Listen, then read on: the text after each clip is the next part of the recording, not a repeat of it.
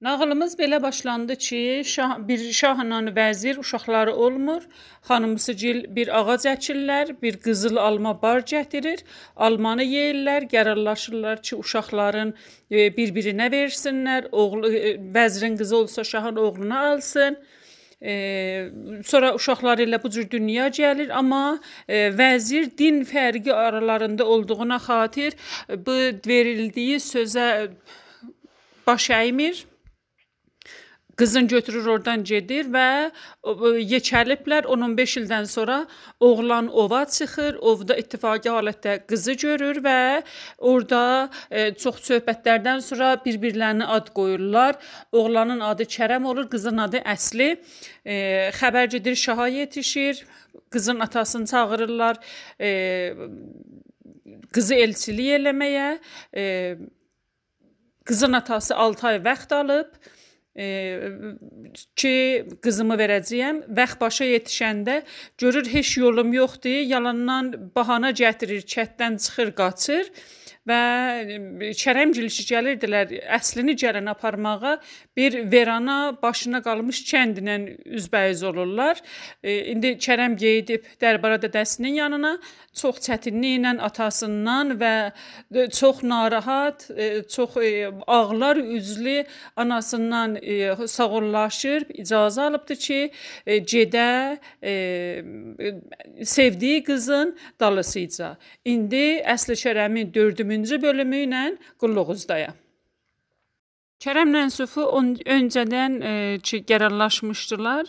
E, səhərin tezdənindən alaqaranlığında durarlar ki, yola düşsünlər, getsinlər əslinin dalısıca. Bunlar dərbarın həyətində gedirlər. E, Ziyadxan e, otağının açışqasından baxırdı oğlunun getməyinə. Nəğətçi üzü qəzəbli idi, hirsli idi. Ürəyi də o qədər e, üzgün idi, narahat idi ki, var yoxum bir oğul, gözümün ağı-qarası bir oğul. Bu da e, öz sevgilisindən ötür gedir. Mənim də sözümə baxmır deyirəm getmə. İndi bir də gedəcək. Bir də görüşək nə yaxçı, görüşməyək nə yaxçı. Amma e, qüruru qoymurdu üzü də bunu göstərsin. Anası amma dayanamadı. Qulluqçuları ilə birlikdə gəldi ki, oğlun yola salsın. Ana bala qucaqlaşdılar. Kərəm özünü saxlaya bildi, amma ananın gözü da ixtiyar əlində deyil. Yaş dolanır üzünün dolusuyca. Elə oldu ki, Kərəm çiynində nənəsinin göz yaşlarının e, nəmin hiss elədi. Hələ nənənin əllərindən öpdü, üzündən öpdü, gözlərindən öpdü. Ay ana, bu, bu nə vəz, bu nə ağlamaq? E, arxayın ol, əslimi də tapıb qayıdacağam bura. E, anası heç söz demədi Kərəmin bu sözünün qabağında. Fəqət elə e, dua elədi ki, e, oğlum, yolun açıq aydın olsun.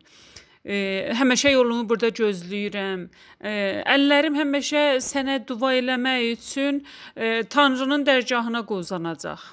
Bundan sənin sağlığından savay, sənin mutluluğundan savay mənim başqa istəyim yox ki. Kərəm bir daha anasının boynun qucaqlar, üzündən öpər, gözlərindən öpər və e, minər ata düzəlsin yola.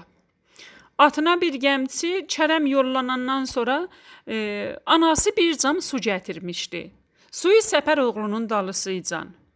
Baxar ta deyər nə qədər ki lağəl görürəm, getməyin görürəm, lağəl baxım oğlumun boyuna. Döncəni dönənə kimin durar? Onda ki da buruğu çönərlər, görər də yoxdur, da Kərəm getdi, nə geyitmə imkanı var, nə bir söz. Çönər ki, geysin dərba öz qəsrinə. Amma nə geyitmək? Yeriyən sadəcə bir e, cansız təndir.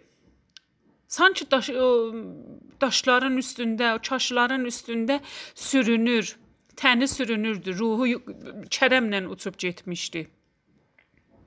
Nə bilim, bəlkə də ayaqlar istəmirdilər bu hüzünlü xanımı qəsrinə qaytarsınlar. Əlindəki cam bir an əlindən düşər. Yolun qırağında daş idi, kəsə idi, hər nə, dəyər ona sınar. Qulluqçular dərhal keçərlər ki, bu kasanın sınığını götürsünlər ki, xanım görməsin, e, narahat olacaq deyə filan. E, xanım deyər, dəyməyin, gördüm. Gördüm kasasındır. Da mənimki bura kimin idi qızlar. Mənim oğlum gedər gəlməz yollar müsafiridir. Mən indən belə də mənə nə xanımlıq, mənə nə mələk mələkəlik adı qoyacaqlar. İndən belə mənə e, e, çağırmaq istəyəndə mənə deyin, e, oğlu gedər gəlməz yolların müsafiri. Mənə deyir Niscilli Kərəmin anası. Mənim xoş günüm bura kimi idi. E, mənim indi kədərim sinəm üstündə hündür bir ağac boyda yaradır. Mənim nə dar günümdə bir yarım olacaq, nə xoş günümdə evimin bir yaraşığı. Mənə nə gər, nə xanım deməyi. Mən gəlib düşən Kərəmin Niscilli anasıyam. Nisgili dağlar boyda Kərəmin anası. Mən e, indən belə Gəm dənizində Kədər adlı, Nisgil adlı bir adayam. Oğlum dünyanın hər bir yanında bir çətinlik yaşaya, bir zorluq yaşasa, o çətinlik, o zorluq bir ağlı ox olub manacaq mənim köksümə. Mənim sinəmdə ox olacaqdı o. Mənə indən belə day xanım deməyin. Bunu deyər, başlar ağlamağa. Nə çətinliklə olmuş olsa, qulluqçular xanımı yapışıb qollarından və gətirərlər dərbara sarı. Kərəm atın üstündə gedir, amma e, bir yandan da özün e, özündən gileylidir özün məz məzəmmət eləyir ki, e, anamı ağlar qoyub gedirəm. Sufi heçdən demirdi. Deyir qoyub özü bülsün da, özü seçsin yolun. E, nə anasının, e, Kərəmin anasının o ağlar gözləri yadından çıxırdı, nə Kərəmin e, əslisiz e, çəkdiyi acılar. Bu düşüncə ilə buruğu çönüblər, gedirlər. Elə şəhəri təzə istəyirdilər çıxalar. Kərəm görər ki, e, dərbarın e, bir qoca bilici həkim dədəsi var idi. Durub orada. Kərəm Sufiya deyər, dədə hara gedir? Deyər, vallah bilmirəm, qoy dayanaq soruşaq görək cərəyan nədir? Atların cilovunu çəkərlər. E, xoş gördük dədə, sən hayana. E, dədə deyər, ay Kərəm, sənin yolunu gözləyirdim. Oğlum, bu yol ki gedirsən, çətin yoldur. Rahatlığından əsliyə çatmayacaqsan. E, sənin yolda çox adamlardan, e, bəlkə də e, doğadan, təbiətdən yol soruşman gərəkir. Bəlkə bir e, çaydan yol istəyəsən, Bəlkə bir dağdan iz soruşasan, bəlkə bir bitki ilə, bir gül ilə danışasan. Kərəm deyər, ayda da mən onların dilini hardan bilim? Mən onlarla mən onlarla danışmaq başarmıram. Deyər, e, onların danışmaq yolu var, amma e, oğlum, bunu da e, sənə deməliyəm. E, bunun əvəzi də var, bunun bədəli də ödəməlisən. Digər bədəli ödəməyi nə mənə olsa mənim canım üstə. Ay dədə, yolun mənədir. Deyər sənə bir su gətirmişəm içəsən. Onu içəndən sonra e, ürəyin lap can evin e, kökündən, lap can evindən istəsən danışasan, e, onlar səndən danışacaq. Sənin sözünə qulaq asacaq. E, amma bu suyu içəndən sonra gözlə sözü heç vaxt uzatmayasan ha. E, qatar danışma oğlum. E, danışan danışsan, biraz çox danışsan, e, ağzından ot atılar. bu ot səni yandırar ha. Kərəm deyər, arxayın ol dədə, mən e, sözümdən müğayət olam. Sən bu sirri mənə ver. Dədə bir içim su verər Kərəmə. Kərəm içər. İçəndən sonra görər ki, əhvalatı bayaqçı kimindəyi. Bülər ki, dədənin bu e, suyunda xas bir özəllik var idi başqa bir suyudur. Dədədən təşəkkür eləyər e, və Sufu ilə birlikdə düzələrlər yola. Gələrlər Sufu deyər ki, ay Kərəm, indi haya necə də şahzadəm, ixtiyar səndə. Deyər, ay Sufu, səndən bir istəyim var. Sufu deyər, can istə şahzadəm, can istə sultanım, nə buyurursan? Deyər, e, bu çətin yolda sən mənə əziz qardaşsan. E, day mənə e, şahzadəm demə. Bir başqası eşidər. Biz e, bilmirəm ki, hara kimin öz vilayətimizdəyik, hardan düşəcək qürbət elə. Bir eşidər, sanar bəlkə nə var. E, day mənə şahzadəm demə. Sofi deyər sultanım, əmir buyurursan mənim gözlərim üstə. Dilim səni hər nə çağırsa da, amma ürəyimdə elə mənim həmin şahzadəmsən.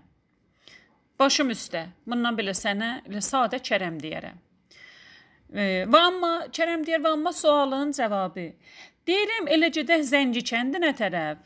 Hər necə olmuş olsa, yolda bir çobandan, bir çərçidən, bir kərvandan bir zət görəcəyik də. Onlardan iz soruşarıq. Sufu deyər, hə, düz deyirsən. Elə gedək e, kəndə sarı. Atlarına bir gəmçi düzələrlər, gedərlər e, Zənci kəndinə tərəf. Kəndin a, son yol ayrımına yetişəndə görürlər uzaqdan bir qoca çərçi gedir, bir balaca daşqası da var. E, Kərəm deyər, bu çərçi gəzəyəntidir, mahal-bamahal gəzir. Mütləq bunda bir iz ola bundan iz almalıyıq. E, Qaraməlikgildən. Bunun mütləq xəbəri olar. Ata bir gəmçi yetişərlər çərçinin yanına. Yorulma əmi, bazar olsun ay əmi. Çərçi daşqasını saxlayar, yaşayasan cavan. E, nə istəyirsən çərçi üçündən? Arşınından, parçasından, çayından, kəndindən deyər ki, çərçi qardaş, ay çərçəmi, səndən birini soruşacağam. Deyər, soruş kimi soruşursan. E, olmaya incitdiyim biri olub, olmaya baha bir zat satmışam, qolay bir şey vermişəm. E, Sufu deyər, yox, e, əmi, biz nə səndən bir şey almışıq, nə bir zat. Qaraməli adında birini axtarırıq. Tanıyırsan? Deyər, hə, Zənci kəndində olan Həmənki xanımı da çox bilici bir həkimdir. E, Sofu deyər, hə, onu soruşuruq. Deyər, keçənlərdə gördüm, e, çətdən köçüb gedirlər, köçmüşdülər. Onları nə edirsiz? Kərəm ta ağzını açar deyə əsliyə xatir Sofu deyər ki, e, dostum kefsizdir, istəyirik aparaq Qaraməliyin xanımının yanına. Deyər, yaxşı xanımdır, mütləq ondan siz e, şəfa alarsınız onun əlindən. O hər dərdə bir dərman bülür. Elə biraz e, əl də bəssəz, biraz yeyin getsəz 5-10 günə çatarsınız. Gün batana sarı gedirdilər. Sufu ilə Kərəm çərçidən sağollaşarlar və düzələrlər yola getsinlər gün batana sarı. Önəmli bir zad itirən elə harda yaxşı bir şey görsə, e, sanar özününkidir. Məsələn, xoşgil bir üzü itirən, e, gözəl bir qaşlı üzü itirən, elə gözü daşlar arasında xoşgil bir daşlar e, görsə, onların arasında öz üzüyünü axtarar. Bəlkə burdadır. Ya e, bir gözəl quzusun itirən sürü görsə, boylanar quzu sürüyə ki, bəlkə mənim quzum da bunların içində. Kərəm də e, incilər incisi itirib. E, mıncıqların ən önəmlisi, lap gözə gəlimin e, itirib. Odur ki, elə gözü hər yerdə axtarır. Nahar çağıdır, havada bətər isti. Sufu deyər, ay Kərəm, bətər susuzduq, e, bətər yorulduq. Deyər, harda bulaq görsən, e, durarıq, biraz su içərik, biraz dincəllik də. Günün də biraz istisi çəkilər. E, deyər olsun. Biraz gedərlər, görərlər ki, 2-3 nəfər xanım gəlir, çiyinlərində səhəhləri. Kərəm deyər bu xanımlardan soruş, gör hayanla gəlirlər, bulaq hayanda. Yaxınlaşanda Sofi deyər, ay bacı, yorulmayasan. Yaşa qardaş, yaşa yolçu qardaş. Deyər, ay bacı, o hayanda, bulaq hayanda. Deyər, belə biraz bu yolu irəli getsəz, e, bir yamyaşıl çimənlik var. Qızlar da ordadır, bolun solun. Elə qızların olduğu yerdə bulaq var. Orda paltar yuyan kim, suya gedən kim. E, sağollaşıb və xanım deyən izinlə gedərlər. Biraz yetişərlər qabaqlıq, görərlər hə də xanım deyən kimin orada qız gəlin oturub. E, birdən Kərəmin gözləri işıqlanar. Ay Sofu, əsli qızların içində. E, deyər hani, deyər orada bir alagöz xanım gözümə dəydi. Sanıram o əslidir. Sofu deyər, ay Kərəm, gözlə ha. Parxın qızına sataşarsan, bura da kəndə yaxındır.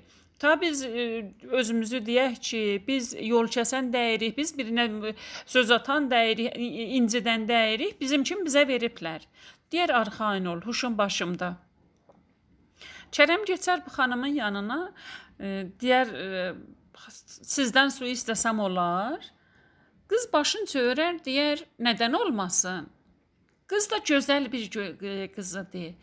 Kərəm görər bu qız da gözəldir, amma mənim əslim deyil. Xanım əlində bir cam var idi. Camı bulağın gözündən doldurar, e, verər Kərəmin əlinə. Kərəm su içər, e, amma sufu suyu içmək halından görər ki, yox da əsli deyil, bənzədib.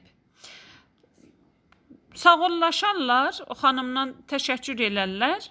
Bir yol düzələrlər yola ki, biraz qıraqlıqda əyləşib biraz dincəlsinlər. Kərəm sazın alır əlinə, e, əslinin uzaqlığından, əslini axtarmağından bir qatar oxuyar. E, qızlar çox xoşlarına gələr. Alqışlayarlar bu e, Kərəmin oxumağın, saz çalmağın. E, sonra durub və çəkilərlər qırağa. O gözəl xanım ki, camda su gətirmişdi, e, deyər, ay aşıq qardaş, sevgilindən oxudun. Yəni burdakı qızların heç biri sənin sevgilinə çatan dey deyildi. Bizim ürəyimizə toxundun. Ondan oxudun, bizdən yox. Kərəm görər bu qızların ürəyini sındırmışam da. E, başlar bir bir qatar da oxuyar bu qızların gözəlliyindən, e, nəcabətlərindən, ceyran kimi baxışlarından, maral kimi yerişlərindən sözünün idaməsində də deyər ki, e, bax siz ki bu cür xanımlıq elədiniz, mən arzulayıram dünyada hər nə e, gözəl gül var, e, gülüstan var, hamısı sizin olsun. E, tikanlıqlar mənə kifayətdir. Mən razıyam bu e, dünyanın bütün şirinlikləri sizin olsun, acılar mənə pay. E, nə mənə gözəl al-yaşıl var, hamısı sizin əyninizə. Qaralar mənə kifayət. E, belə sözlərlə e, qızların ürəyin alar əlinə. Sufi görər Kərəm sözü çox uzadır, kəndin yanıdır, bizi birdən e, qızlara əziyyət eləyən sanarlar. E, Kərəmə deyər ki, ay qardaş, bəsdir, yolumuz uzundur da, dur düşək yola. Kərəm Sufunun bu sözünün barabarında baş üstə deyib, sazın götürər asar çiyninə, e, binərlər atlarına ki, e, yollarına davam versinlər. Kərəmlə Sufi at üstündə gedirdilər. Sufi birdən çönər, dalıya baxar. Kərəm deyər, "Sufu xeyir ola, əcəb çöndün arxaya." Deyər, "Elə beləsi baxdım da." Deyər, "Axı de görüm nə oldu sənə birdən-birə?" Deyər, "Ay Kərəm, bir çön baxcınan, e, day vətənimizin dağları burdan bu yana görsənməyəcək. E, day burdan bu yana biz e, qurbət eldəyik. Kərəm çönər baxar görər, sufu düz deyir. dərbarımızdan baxdığım dağ day belə arxada qalıb, ancaq ondan bir iz görüşür. Day görməyəcəyəm. Bir an ürəyə tuturlar ki, e, boya başa çatdığım dərbarı da ötürdüm, gəldim.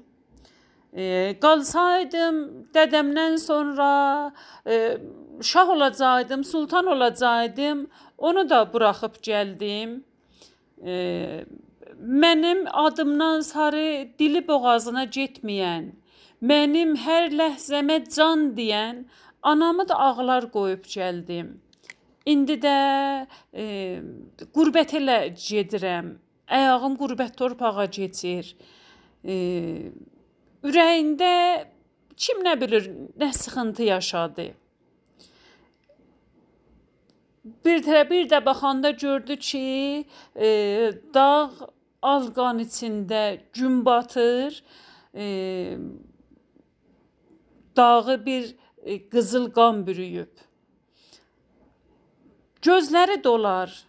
Gözləri dolanda e, bir ləhzə ki, gözünün suyu axar üzünə, e, əsli durar gözünün qabağında.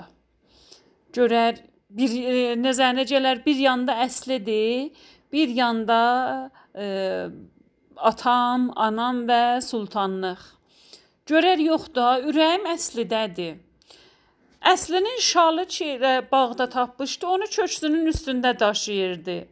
O şalı çıxadar, öpər, gözünün yaşların o şalından silər, şalı qoyar döşünün üstünə, e, düzələr yola. Deyər adam ömürdə bir dəfə seçər.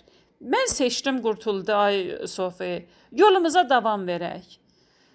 Sofi deyər, əmir sənindir. Hayını desən, mən də səndən gələcəyəm.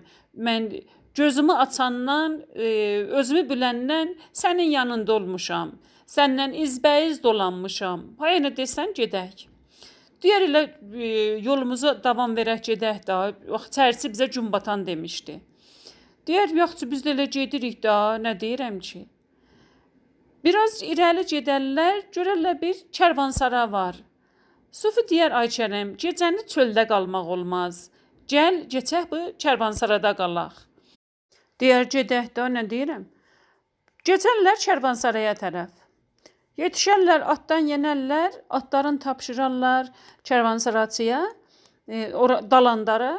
Bir yol keçərlər içəriyə. Hələ çaydan, çörəkdən yeyib biraz dincələndən sonra E, görərlər Kərvansarayının bir tərəfində bir dəstə bəzirgan oturublar, danışırlar.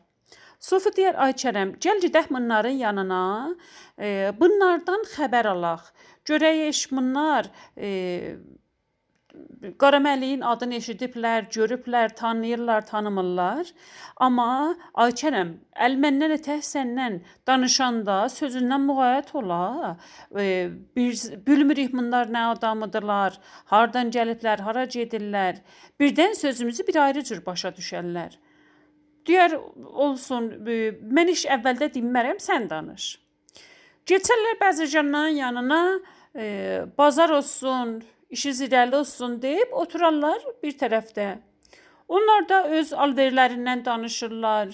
E, dadlığı belə aldım, ya ipəyi belə gətdim, mənim bazarım filan yerdə o deyir, e, parçanı filan yerə aparmalıyam filan belə danışarlar. Bəzi canların biri üzün çevirər Kərəmcilə sarı deyər: "Ay oğul, siz nə adamsınız? Siz nə alver eləyirsiniz?" Sofu deyər, e, əmi, biz alverçi dəyirik. Biz bəzircan dəyirik. E, deyər, bəs burada hara gedirsiniz? Hara müsafirsiniz? Hara sarıdır yolunuz? Kərəm deyər, biz birini axtarırıq. Bəzican deyər kimi, Sufi deyər, e, Qara Məli adında e, bir ağanı axtarırıq, bir kişi axtarırıq, Qara Məlik dadı. Bəzicandan bir deyər, sizin Qara Məlik ilə nə işiniz? Kərəm deyər, bizə bir söz verdi, amma sözünün üstündə durmadı. İndi o verdiyi sözə xatir gedirik. Bəzi canın, bəzi canın içində bir qocası var idi. Başını toğurlayar. Deyər, e, çətin olar söz üstündə durmayan adamı tapıb sözünə qaytarmaq ola.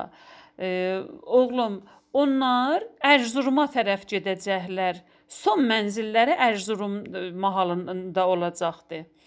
Siz o yana sarı getməlisiniz. Amma ə, ay oğul, indidən deyim ha, yolda çətin yoldur. E, qabaqda qışa gedir. Keşcə yay yazda gedirdiniz bu yolu.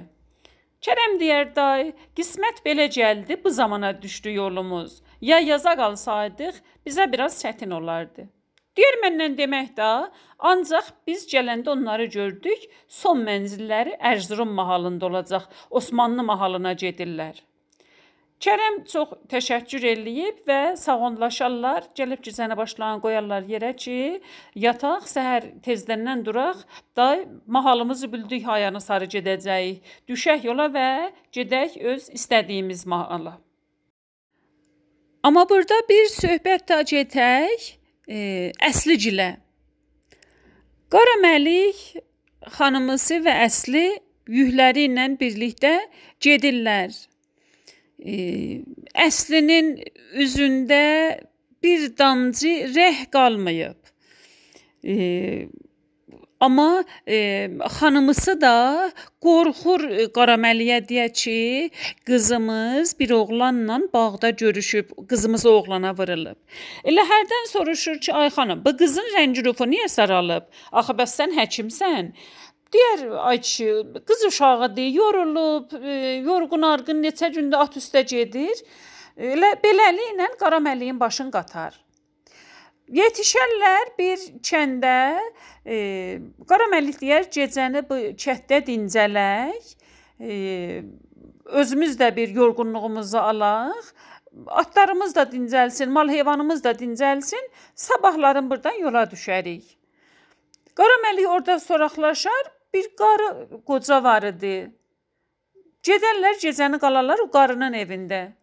Qarıya hələ puldan, qızıldan verərlər, e, qaraməlik verər, gecəni qalarlar orada. Qoca da e, bir iki dənə keçisi var idi. O keçilərdən sağarı bir iki dənə toyuğun toyuq yumurtasından filan bunlara bir balaca şam düzəldər, oturub yeyib içərlər.